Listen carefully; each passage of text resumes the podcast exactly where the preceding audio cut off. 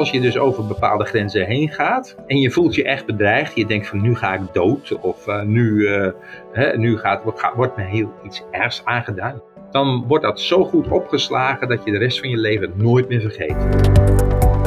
Je luistert naar NTVT Dentalk, de podcast van het Nederlands tijdschrift voor tandheelkunde. We gaan hier in gesprek met belangrijke experts, interessante onderzoekers en boeiende ervaringsdeskundigen. En misschien wel met jou. Presentatie is in handen van tandarts-epidemioloog en hoofdredacteur van het NTVT, Casper Bots. Angst voor tandheelkundige behandelingen komt bij ongeveer 1 op de 4 volwassenen voor. De laatste decennia is er steeds meer aandacht voor het voorkomen hiervan. Maar gelukkig zijn er ook steeds meer mogelijkheden om daadwerkelijk de angst te behandelen of te reduceren. In deze Dental podcast gaan we daarom in gesprek met twee experts op dit gebied. Te weten professor Dr. Ad de Jong, tandarts en GZ-psycholoog en daarnaast bijzonder hoogleraar angst- en gedragsstoornissen. Waarbij hij vanuit de Stichting Bijzondere Tandheelkunde SPT in Amsterdam verbonden is aan het ACTA.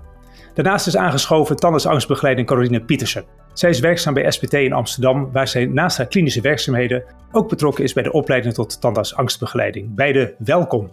De aanleiding voor deze Dental podcast is het speciale themanummer van het NTVT over behandelangst.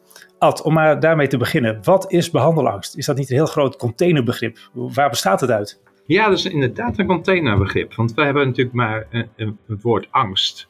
Uh, um, dan hebben we het enerzijds over emoties die iemand uh, vertoont. Ja. Uh, en die kunnen in de, in de behandelstoel kunnen die, die zich voordoen.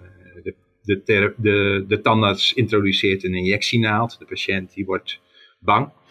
Uh, Dat zijn de emoties, dat heet toestandsangst. Ja. En je hebt ook nog een andere vorm van angst en dat heet dispositieangst. En dat is wat je bijvoorbeeld meet op een vragenlijst. Als je zegt van goh, ik ga een vragenlijst uh, voor, laten we zeggen, je bent bang voor spinnen. Uh, ja. en dan heb ik een vragenlijst en jij scoort daar hoog op. Maar vandaag scoor je hoog, morgen scoor je hoog, overmorgen scoor je hoog op die vraag. En dat betekent dat je bang bent voor spinnen. Als een soort van karaktereigenschap. En zo geldt dat ook voor de tandarts. Mm De tandheelkundige behandeling moeten we eigenlijk zeggen. Je bent de meeste mensen niet bang voor de tandarts, maar wel door alles wat er gebeurt bij de, bij, bij de, in, in de tandheelkundige context. Ja. Dat, dus, dus ja, soms worden die begrippen een beetje door elkaar gegooid. Maar je hebt dus enerzijds nogmaals die angst. Dat is een emotie die zich voordoet in de stoel. Of misschien wel in anticipatie op de stoel. In de wachtkamer begint die al toe te De geluiden, de geuren, de associaties bijvoorbeeld. Er zitten al wat triggers in. En, uh, maar ja, je kan het ook hebben over, ja, ik ben bang voor de tandarts, terwijl je gewoon thuis zit. Precies. En dan ervaar je, dan ervaar je niet die angst, maar dan ben je het wel. Dat is ja. onderdeel van wie je bent. Ja, ja precies. Oké, en die uh, emotie, uh, dat is toch ook een fysieke reactie, angst.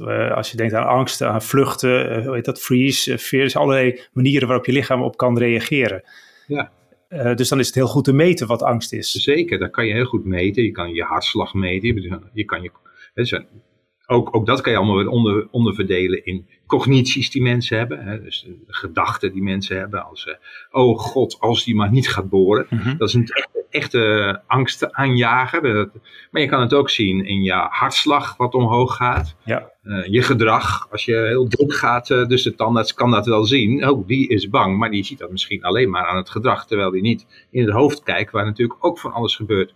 En, wat je ook zegt, adrenaline. Ja. Hè, dus in, in, het, in het systeem wordt uh, door de amygdala, zoals dat heet, uh, een hele hoop adrenaline erin gegooid om klaar te maken voor vluchten en vechten. Ja, dus er gebeurt, er gebeurt heel veel rondom uh, angst. Misschien als mensen nu luisteren die zelf angstig zijn, dan krijgen ze misschien al angst van het feit dat we erover praten. Ja, angst zou kan soms ook een trigger zijn. Als je zegt, zeg maar ook het woord injectienaald of zo, hè?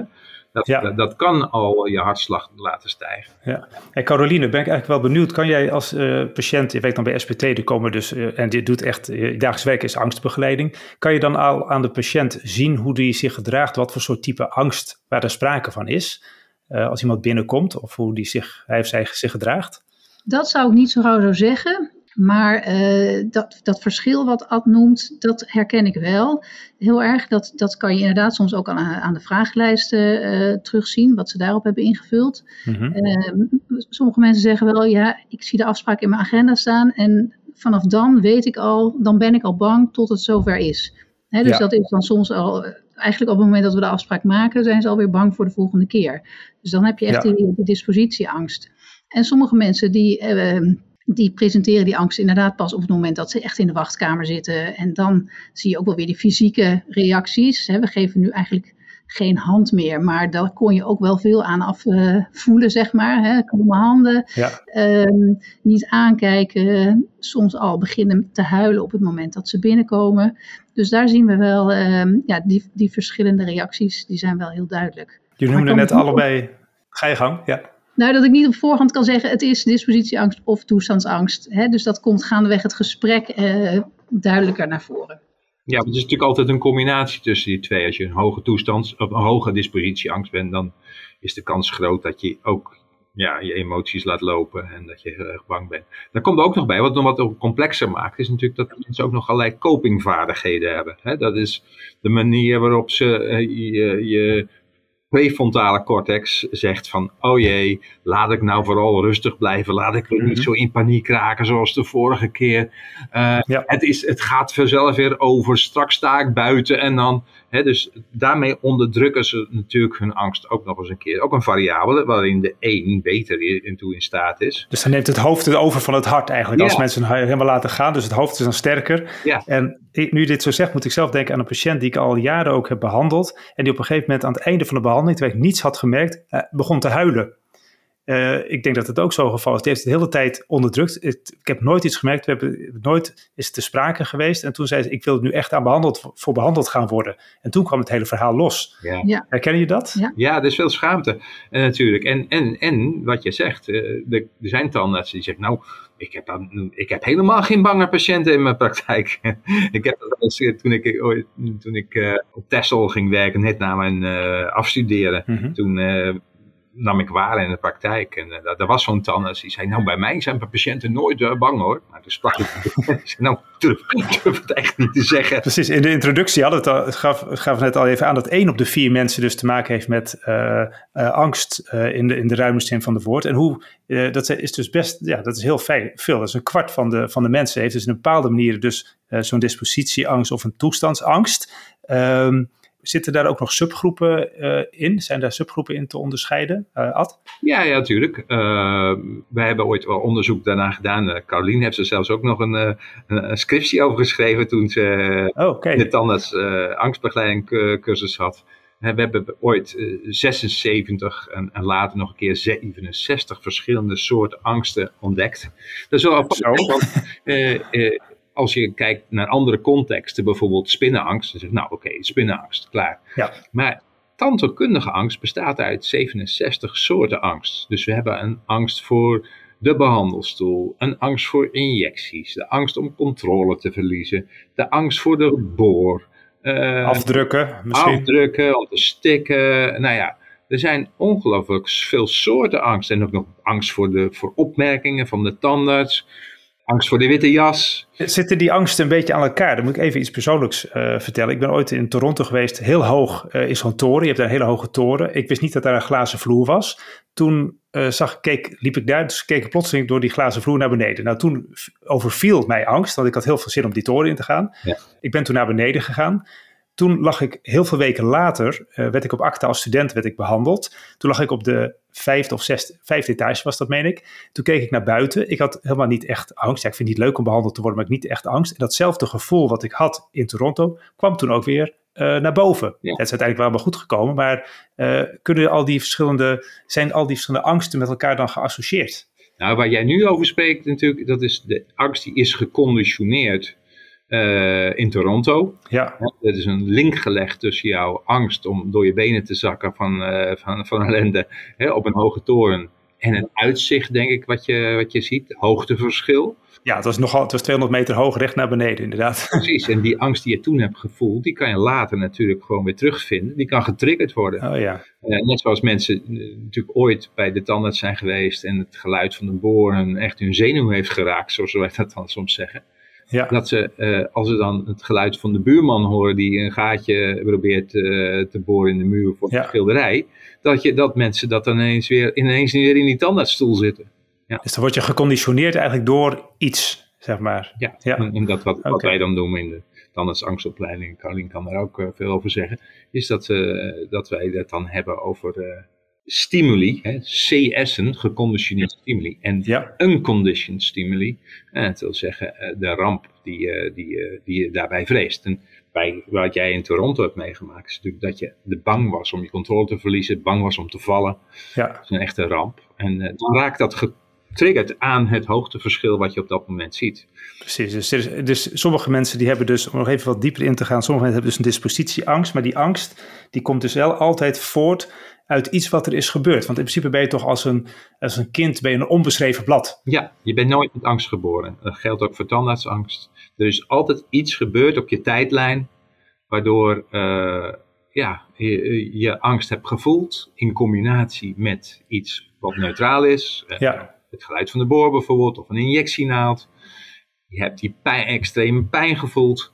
En uh, je denkt, nou, dat gaat de volgende keer weer gebeuren. Het is een soort overleving van de soort. Ja, en Caroline, hoe ga je daar dan mee om in de praktijk? Iemand komt bij jou met, uh, met angst en met een, er is dus altijd iets gebeurd. Ga je... Nou, ik wil nog één ander ding over zeggen, want het mhm. kan ook zijn dat mensen um, het hebben geleerd doordat ze het van anderen gehoord hebben. Hè, of afgekeken van hun ouders bijvoorbeeld. Als ouders heel erg bang zijn, dan hoeft het niet dat de kinderen het echt hebben zelf hebben meegemaakt, maar die hebben wel die angst gevoeld van die ouder. En ja, dat is natuurlijk een soort red flag geworden van, oh, als mama daar bang voor is, dan zal er wel iets heel ergs zijn.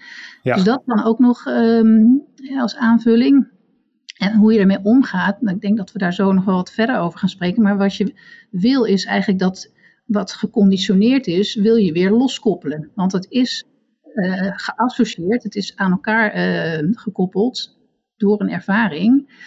Eh, die stimulus en die ramp. En wat je wil is dat die verbinding weer loskomt. Dus dat uh, die stimulus, die geconditioneerd is, dat die weer neutraal wordt. Ja, er zijn inderdaad verschillende technieken over. Ik kom inderdaad zo dan, dan eventjes uh, op. Maar als je nog even teruggaat, als je nou gewoon kijkt in de praktijk van alle dag van de mensen die, die je ziet. Wat zijn dan de meest voorkomende angsten waar mensen mee te maken hebben? Want je zei net van, had ze net van, het zijn 76 soorten angsten, maar die kom niet iedere dag allemaal langs, denk ik. Nee, nou je kan het sowieso denk ik onderverdelen in een soort clusters, hè, waarvan uh, uh, angst voor pijn een heel erg belangrijk is. En daar zijn weer allerlei behandelingen aan uh, gerelateerd. Hè. Dus sommige mensen zijn bang voor pijn van het trekken, anderen voor pijn van de injectie of pijn van het boren, ja. tandsteen Nou eigenlijk, hè, dus die aparte stimuli die grijpen terug op angst voor pijn, dat is dan de ramp. En een ander heel erg belangrijk is angst voor controleverlies, voor machteloosheid. Ja. dus uh, achterover liggen in de stoel, gevoel hebben van stikken, dat soort dingen. Geen controle over de behandeling hebben, dus de tandarts gaat door terwijl je zelf al aangeeft dat je even een pauze wil. Ja, dat over de grens heen gegaan is. Ja, ja precies. En dan de bejegening, dat, dat noemde Ad straks ook al even. Dat is ook wel iets wat nog angstwekkend kan, kan zijn. Is het dan niet zo dat er altijd over een grens heen gegaan is als er sprake is van angst? Want als iemand pijn krijgt, ja, tenzij het niet te verdoven. Je hebt natuurlijk één of twee keer per jaar dat je een eh, wortelkanaalbehandeling moet starten. Mhm. En dat het zo'n stook is dat wat je ook doet, dat het toch ja, op een of andere manier niet goed, uh, goed lukt. Uh, klopt het inderdaad dat er dan alleen maar angst kan ontstaan als je over een grens heen bent gegaan? Ja, dat denk ik wel. Want het, um, kijk, als je een keer iets hebt wat je echt niet kunt verdoven, maar als je dat goed met de patiënt kan bespreken en de patiënt geeft zeg maar toestemming van oké, het moet even en ik, ja. ik accepteer dat, uh, ik ga daarmee akkoord, dan wil dat niet zeggen dat dat dan angst uh, oplevert voor de keer daarna. Want dan is het in ja, overleg en dan is er misschien wel sprake van pijn, maar niet in combinatie met dat machteloze gevoel. En dat is wel vaak. Uh, die combinatie is eigenlijk helemaal uh, ja, een, een, succesfactor voor angst uh, ontstaan. Ja. ja. En, eh, maar eigenlijk weet je natuurlijk niet dat het zover komt. Dus heeft het dan ook niet te maken met uh, hoe we de opleiding hebben gehad? als je bent natuurlijk betrokken ook bij de sociale tandheelkundeopleiding. Uh, ik, ik, moet plotseling denken aan een patiënt die ik zelf heb die was in Engeland behandeld en daar had, de tandarts had de knie op de borst gezet om er een, uh, een element uit uh, te trekken. En die patiënt die, die durfde niet eens het gebouw ook in te komen. Dus uh, daar is duidelijk over een grens heen gegaan. Hoe, zitten daar veel verschillen in uh, in Europa op dit gebied? Of? Ja, ja, nou ik denk dat we in Nederland echt uh, ver vooruit lopen als het gaat over de behandeling van angst. Dat kan je ook zien in de type publicaties ja. wat, er, wat er in de wereld gebeurt. Als je kijkt naar de Engelstalige landen, dan zal je zien dat heel weinig vinden over hoe je met een patiënt om moet gaan als iemand bang is. Dan zal je vooral over sedatie lezen het onderzoek wat daar is, dat gaat allemaal over verschillende soorten sedatietechnieken, over lachgas, over hoeveel, wat je concentratie moet zijn van een bepaald middel, welke middelen, narcosemiddelen zijn er voor angstige patiënten, is het schadelijk voor patiënten als je dit of dat of dat combineert. Terwijl wij al in, in, in het kader van onze studies uh, het hebben over hoe je patiënten bejegent, hoe je inderdaad ervoor zorgt dat mensen niet die herinneringen opslaan. Dus ik wil, uh, de essentie is zo, mm -hmm. wij maken herinneringen aan uh, op basis van de adrenaline die er op dat moment is. Dat is een ontdekking die in 1998 al is gedaan. Vroeger leerde je op de universiteit dat als je ergens van schrikt, dat er heel veel adrenaline vrijkomt. En dat was, ja. je hartslag ging omhoog en je, je moest vechten en vluchten. Maar in 1998 was er een onderzoeksgroep die zei van er gebeurt nog meer als we adrenaline in ons brein hebben. Die herinneringen zorgt, of die adrenaline zorgt ervoor dat de herinneringen worden opgeslagen. Opgeslagen in termen van de de mate waarin ze, uh, waarin ze goed gevoeld worden en hoe helder die herinneringen worden opgeslagen. Dus hoe meer, hoe meer schrikt, ja, je komt een hond tegen in het bos ja. en die hond die grijpt je. Uh, hoe heftiger die ervaring is, hoe meer adrenaline er vrijkomt, hoe beter die herinnering wordt opgeslagen. Als je er later nog eens een keer aan terugdenkt in termen van helderheid en naarheid om aan die herinnering terug te denken. Ik denk dat iedereen dat wel herkent. Gewoon als je zelf gaat nadenken met heftige dingen die je hebt meegemaakt. Het leven gaat zo'n beetje voorbij, de maanden, jaren. Maar er zijn echt mijlpalen van herinneringen die heftig waren. Ja. Echte gebeurtenissen waar je echt van geschrokken, waar je heel bedreigd bent geweest. Waar, die je eigenlijk nooit meer wil vergeten.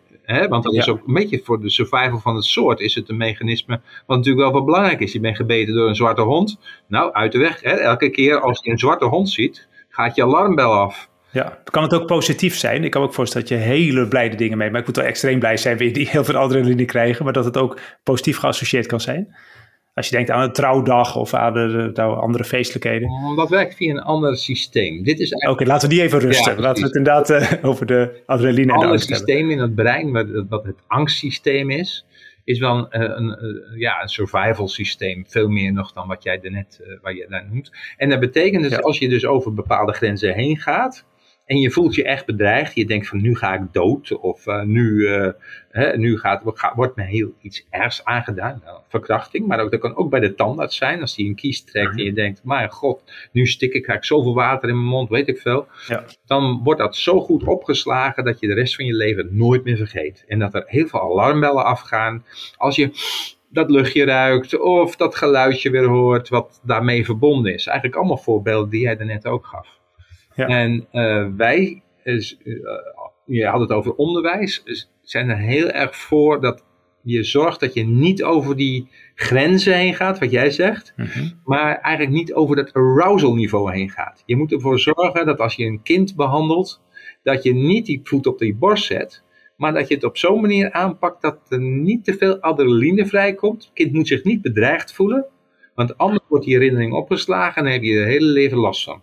Dus niet ja. die ouderwetse van, ja, even stilzitten, nu even doorzetten, en ruk het eruit en dan, uh, Als ik, klaar. En dan, ja. dan is het klaar.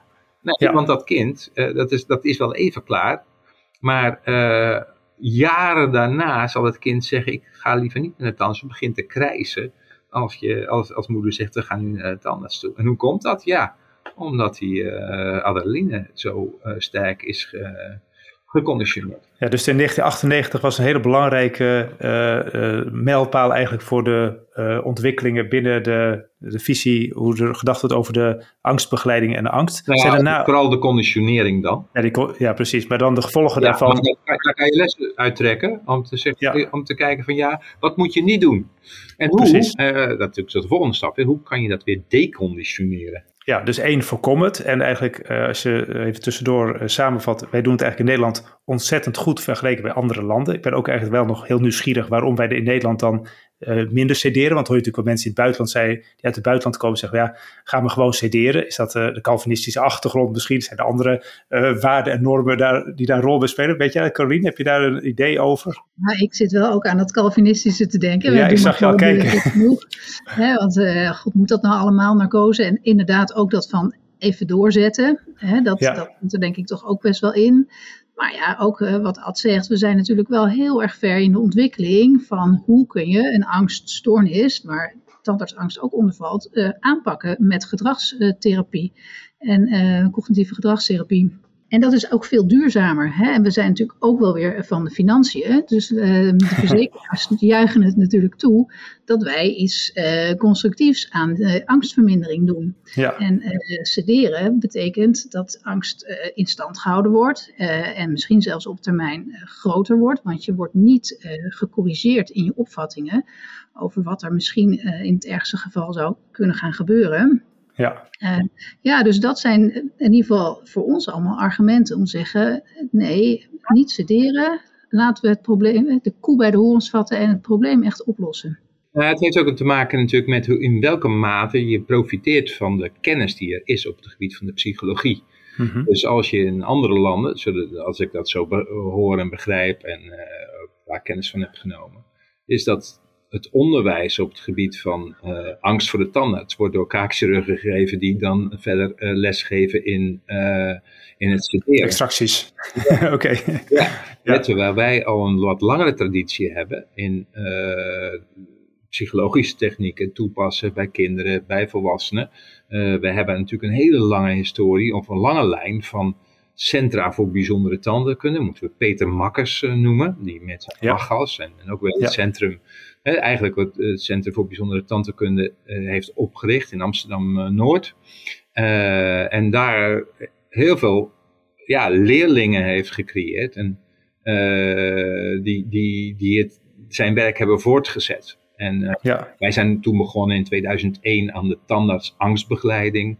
Eigenlijk om nog meer van de psychologie en de kennis die, die daar is op het gebied van cognitieve gedragstherapie, later ook voor EMDR-therapie, uh, in de tandheelkunde te laten diffunderen. Ja. Ik weet, net uh, tussendoor zei jij, uh, Colleen, iets over ja, angst voor de uh, tandarts of behandelangst is een angststoornis. gaat een behandelangst, gaat dat vaak samen ook met andere stoornissen? Nou, dat kan wel, maar dat is zeker niet gezegd dat dat altijd samen gaat. Er zijn heel veel okay. mensen die echt een enkelvoudige fobie hebben, een specifieke fobie. Ja. Alleen, die tandarts is alleen het probleem. En verder, uh, dan vragen we ook naar, heb je nog andere angsten of zijn er, spelen er nog andere dingen op het psychologisch gebied? En dat is dan zeg maar blanco.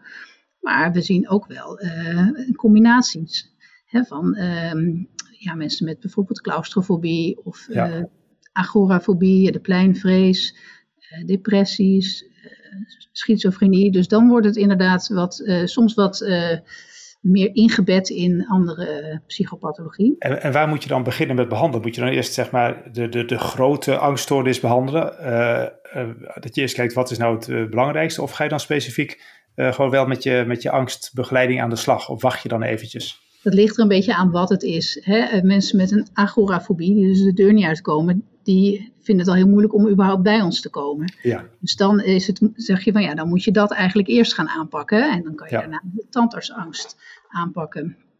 Um, maar er zijn ook soms wel uh, grotere thema's die wij in ieder geval niet, sowieso niet kunnen aanpakken. En waar de tandartsangst een onderdeeltje van is, wat we toch met uh, onze ja, in dat opzicht misschien beperkte mogelijkheden, maar wel uh, kunnen aanpakken, waardoor in ieder geval het tandheelkundige deel ietsje draaglijker wordt.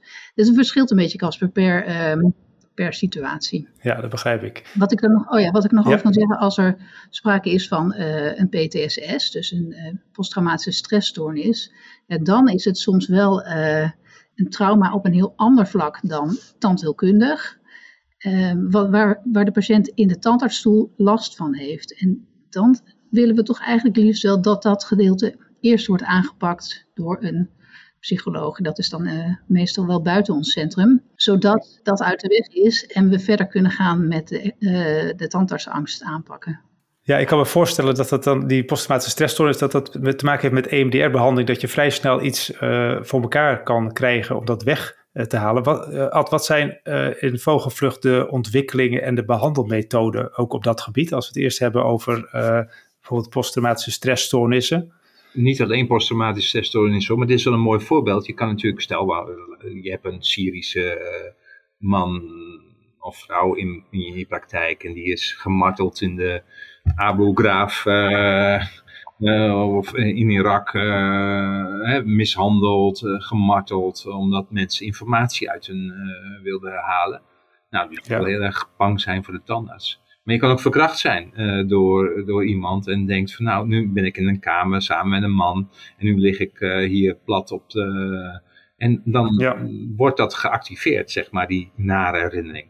En dat is wat je graag kwijt wil hebben. En dat kan je natuurlijk zien als in grote dingen, maar dat kan je ook wel in kleine dingen doen. Dus wat jij zei, die, uh, of klein, dat hoeft ook niet klein te zijn, maar hè, wat jij net als voorbeeld gaf, een knie op je, op je borstkas om een kies uh, te verwijderen.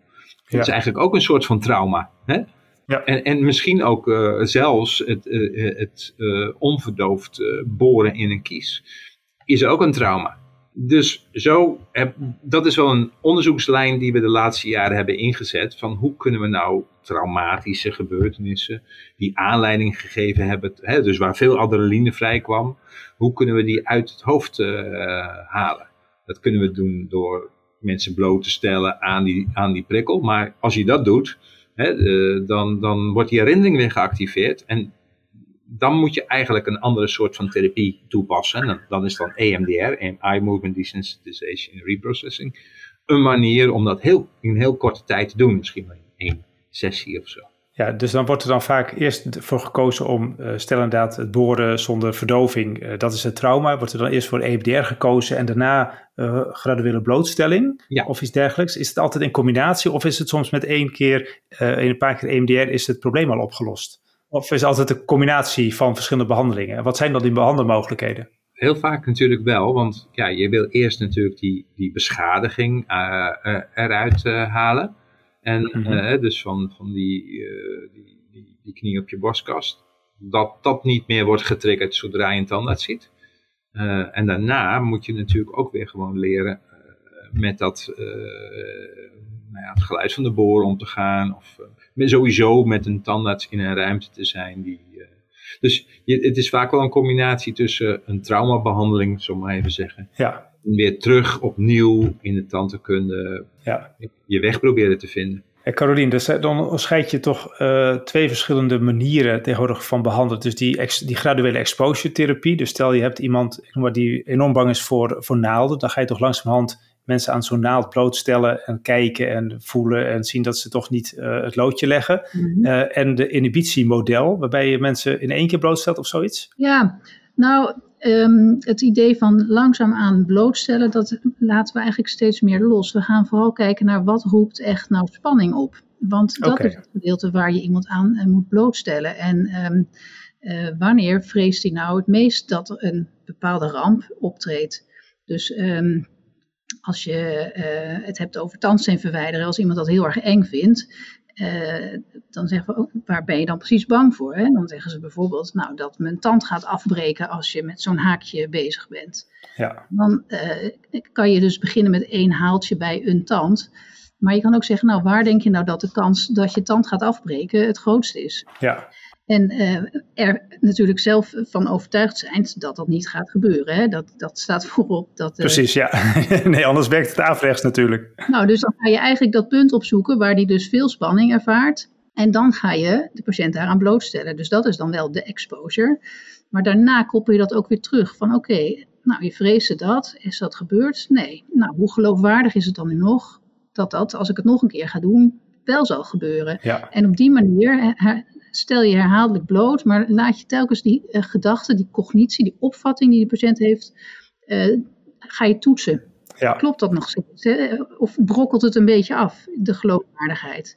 En daarmee be beklijft het veel beter. En, dan, ik kan me ook voorstellen dat als de patiënt zichzelf dat hoort zeggen van ja, ik, als ik, ik, ik vertrouw erop dat de volgende keer dat het beter gaat, dat het ook erg versterkend werkt. Dat jij het niet zegt, dat je het uit jezelf zegt. Nee, je, je wil het liefst de patiënt uh, de conclusie laten trekken, want dat is zeker het, ste het stevigst. En zo pak je dan ook eigenlijk die dispositieangst aan. Hè? Dus dat je voor de lange termijn een effect hebt. En niet alleen dat het in de stoel iets comfortabeler is, maar dat ook echt de angst uh, afneemt. ja. Ja, nou mooi. Mooi dat er zoveel mogelijkheden zijn. Mag ik daar nog een voorbeeld van geven? Uh, vroeger dachten we bijvoorbeeld iemand heeft een injectieangst. En uh, nou, dan gaan we langzamerhand die injectie naderbij brengen. Ja. Uh, dat is dan het habituatiemodel. En zo zullen nog veel tandartsen dat doen. En denk dan dooft dat uit. Maar in dat inhibitiemodel gaat het erom van wat is nou precies de ramp die de persoon vreest? Mhm. En stel nou dat hij, als je daarover een vraag stelt, zeg ik, wat, wat denk je dat er gebeurt? Nou, dat, mijn, dat de naald afbreekt en dat in de bloedbaan terechtkomt. Dan heeft het niet zoveel zin om de patiënt eigenlijk steeds die naald naderbij te hebben. Want de eigenlijke test is, breekt die naald of niet? Precies. En dat, dus dat kan je ook de patiënt die naald in de hand geven en zeggen, joh, hoe groot is nou eigenlijk de kans dat een naald breekt als je het ergens insteekt? Misschien moet jij gewoon even eens voelen hoe zo'n naald in elkaar zit. Probeer hem eens te buigen en kijken of die, nou breekt die nou of niet? Ja. Dan komt de patiënt er eigenlijk achter dat, uh, dat zo'n naald niet zomaar breekt. En dus als je hem in je, in je, in je, uh, ja, in je wang steekt, dat hij niet afbreekt. Dus, en dat is omdat je weet, waar ligt nou de kern van je angst? Die zit hem niet, die zit hem in het breken van de naald. De ramp die de patiënt vreest. En als, die, als de patiënt er overtuigd is dat dat niet meer gaat gebeuren, dat die hond niet bijt als je naderbij komt, ja. dan is je angst ook weg. Dus dat moet je ook expliciet toetsen. Mogen wij, of mogen wij, als ik het zo hoor zeggen, is dat denk ik wel een rol die wij als mondzorgverlener hebben om door te vragen en door te vragen en verder door te vragen waar je dan exact eh, bang uh, voor bang, waar die angst dan voor is. En dan daarmee uh, voorzichtig confronteren. Ja, ik, je wil ook niet dat het helemaal misgaat in Tantekundig Nederland, uh, denk ik. Maar mogen we die vrijheid dan een beetje nemen door ja, dus door te vragen. Sowieso toon je natuurlijk heel veel interesse in de, in de patiënt. En voelt hij zich ook vaak begrepen, denk ik. Tot, tot hoever kunnen, moeten we gaan en wat moeten we, wat moeten we dan precies uh, doorsturen in de, vanuit de algemene praktijk? Ik zou zeker uh, aanmoedigen dat je de algemene praktijk doorvraagt. Hè? Als, je, als je merkt dat iemand bang is of de patiënt geeft dat zelf aan, waar ben je nou precies bang voor? Wat is nou het allerergste wat er zou kunnen gebeuren? Want dan weet je pas uh, wat er in dat hoofd omgaat en dan kan je ook dat gaan corrigeren. En dan kan je uitleg geven, dat helpt al heel vaak. als iemand bang is dat iets pijn gaat doen, dan leg je uit waarom dat uh, niet zou kunnen gebeuren, wat voor voorzorgsmaatregelen je gaat nemen. Ja. En dan moet je inderdaad ja, die vertrouwensband zo hebben dat je dat ook kunt gaan toetsen. Hè? Dus dat je ook die behandeling kunt gaan uitvoeren en dat je achteraf kan gaan kijken, nou klopt het nou inderdaad dat het geen pijn heeft gedaan. Ja, um, ja en die vertrouwensband die um, wordt al groter door precies wat jij zegt, uh, Casper. Um, doordat je doorvraagt en interesse toont, hè, dat helpt mm -hmm. al. Ja. Maar wat je nog meer kunt doen is, uh, heel veel angstige patiënten vinden het prettig om te weten wat er gaat gebeuren, om wat uitleg te krijgen. En dat je aankondigt wat er gaat gebeuren. Komt er even een, alleen een spiegeltje? Ga je ook blazen? Komt er een boor? Ja. Komt er een naald? Dat soort dingen. Kondig het even aan. En dan, uh, ja, dat geeft al veel meer ja, voorspelbaarheid, zoals we dat uh, ja, eigenlijk noemen. Dat zijn dus de elementen van de toestandsangst. Hè? Hoe ga je om met de patiënt in de, in de stoel, zodat om de angst gereduceerd wordt, dus vertrouwensband, uh, dat het voorspelbaar is en dat het beheersbaar is dat je beheersbaar maakt. Hè? Dat je zegt, nou ja, als je je hand opsteekt, dan stop ik. En als we, dan, als we er echt helemaal niet meer uitkomen uh, in de praktijk, of we hebben, dus we hebben van alles uh, geprobeerd, we hebben er uitgebreid met de patiënt gepraat, we hebben de, de naald laten zien, laten zien dat het niet kan breken en het lukt toch nog steeds niet. Is dat dan een moment uh, om door te gaan sturen naar het Centrum voor Bijzondere Tandheelkunde? Ja, dat vind ik zeker een goed moment. En zet dan ook in de verwijzing dat je dit allemaal al gedaan hebt. Hè? Wat je Precies. al hebt uh, ondernomen en uh, dat, nou ja, dat je toch niet verder komt. En, ja. en dat dat de reden van de verwijzing is. Ja, ja. en bijvoorbeeld altijd zo'n patiënt die ik laatst uh, had. er was iemand die dus begon te huilen na het eind van een behandeling. Die ik al jaren gewoon behandelde, waarbij ik niets had gemerkt. En die zei van, ik heb toch nog, ja, ik zie er altijd zo tegenop. Ik kan het aardig goed camoufleren, maar er is toch nog een trauma, iets van wat er in het verleden bij de andere tandarts was gebeurd. Is dat een iemand die ik gewoon een aantal keer naar een psycholoog kan sturen voor een EMDR-behandeling? Als het echt heel specifiek één trauma is? Ja, ja dat kan zeker. Alle verwijzingen op dat vlak, op het gebied van de psychologie, lopen altijd via de huisarts. Hè. Dus je zal altijd bij de huisarts een verwijzing moeten vragen. Ja. Dat wordt ook vergoed door de zorgverzekeraar.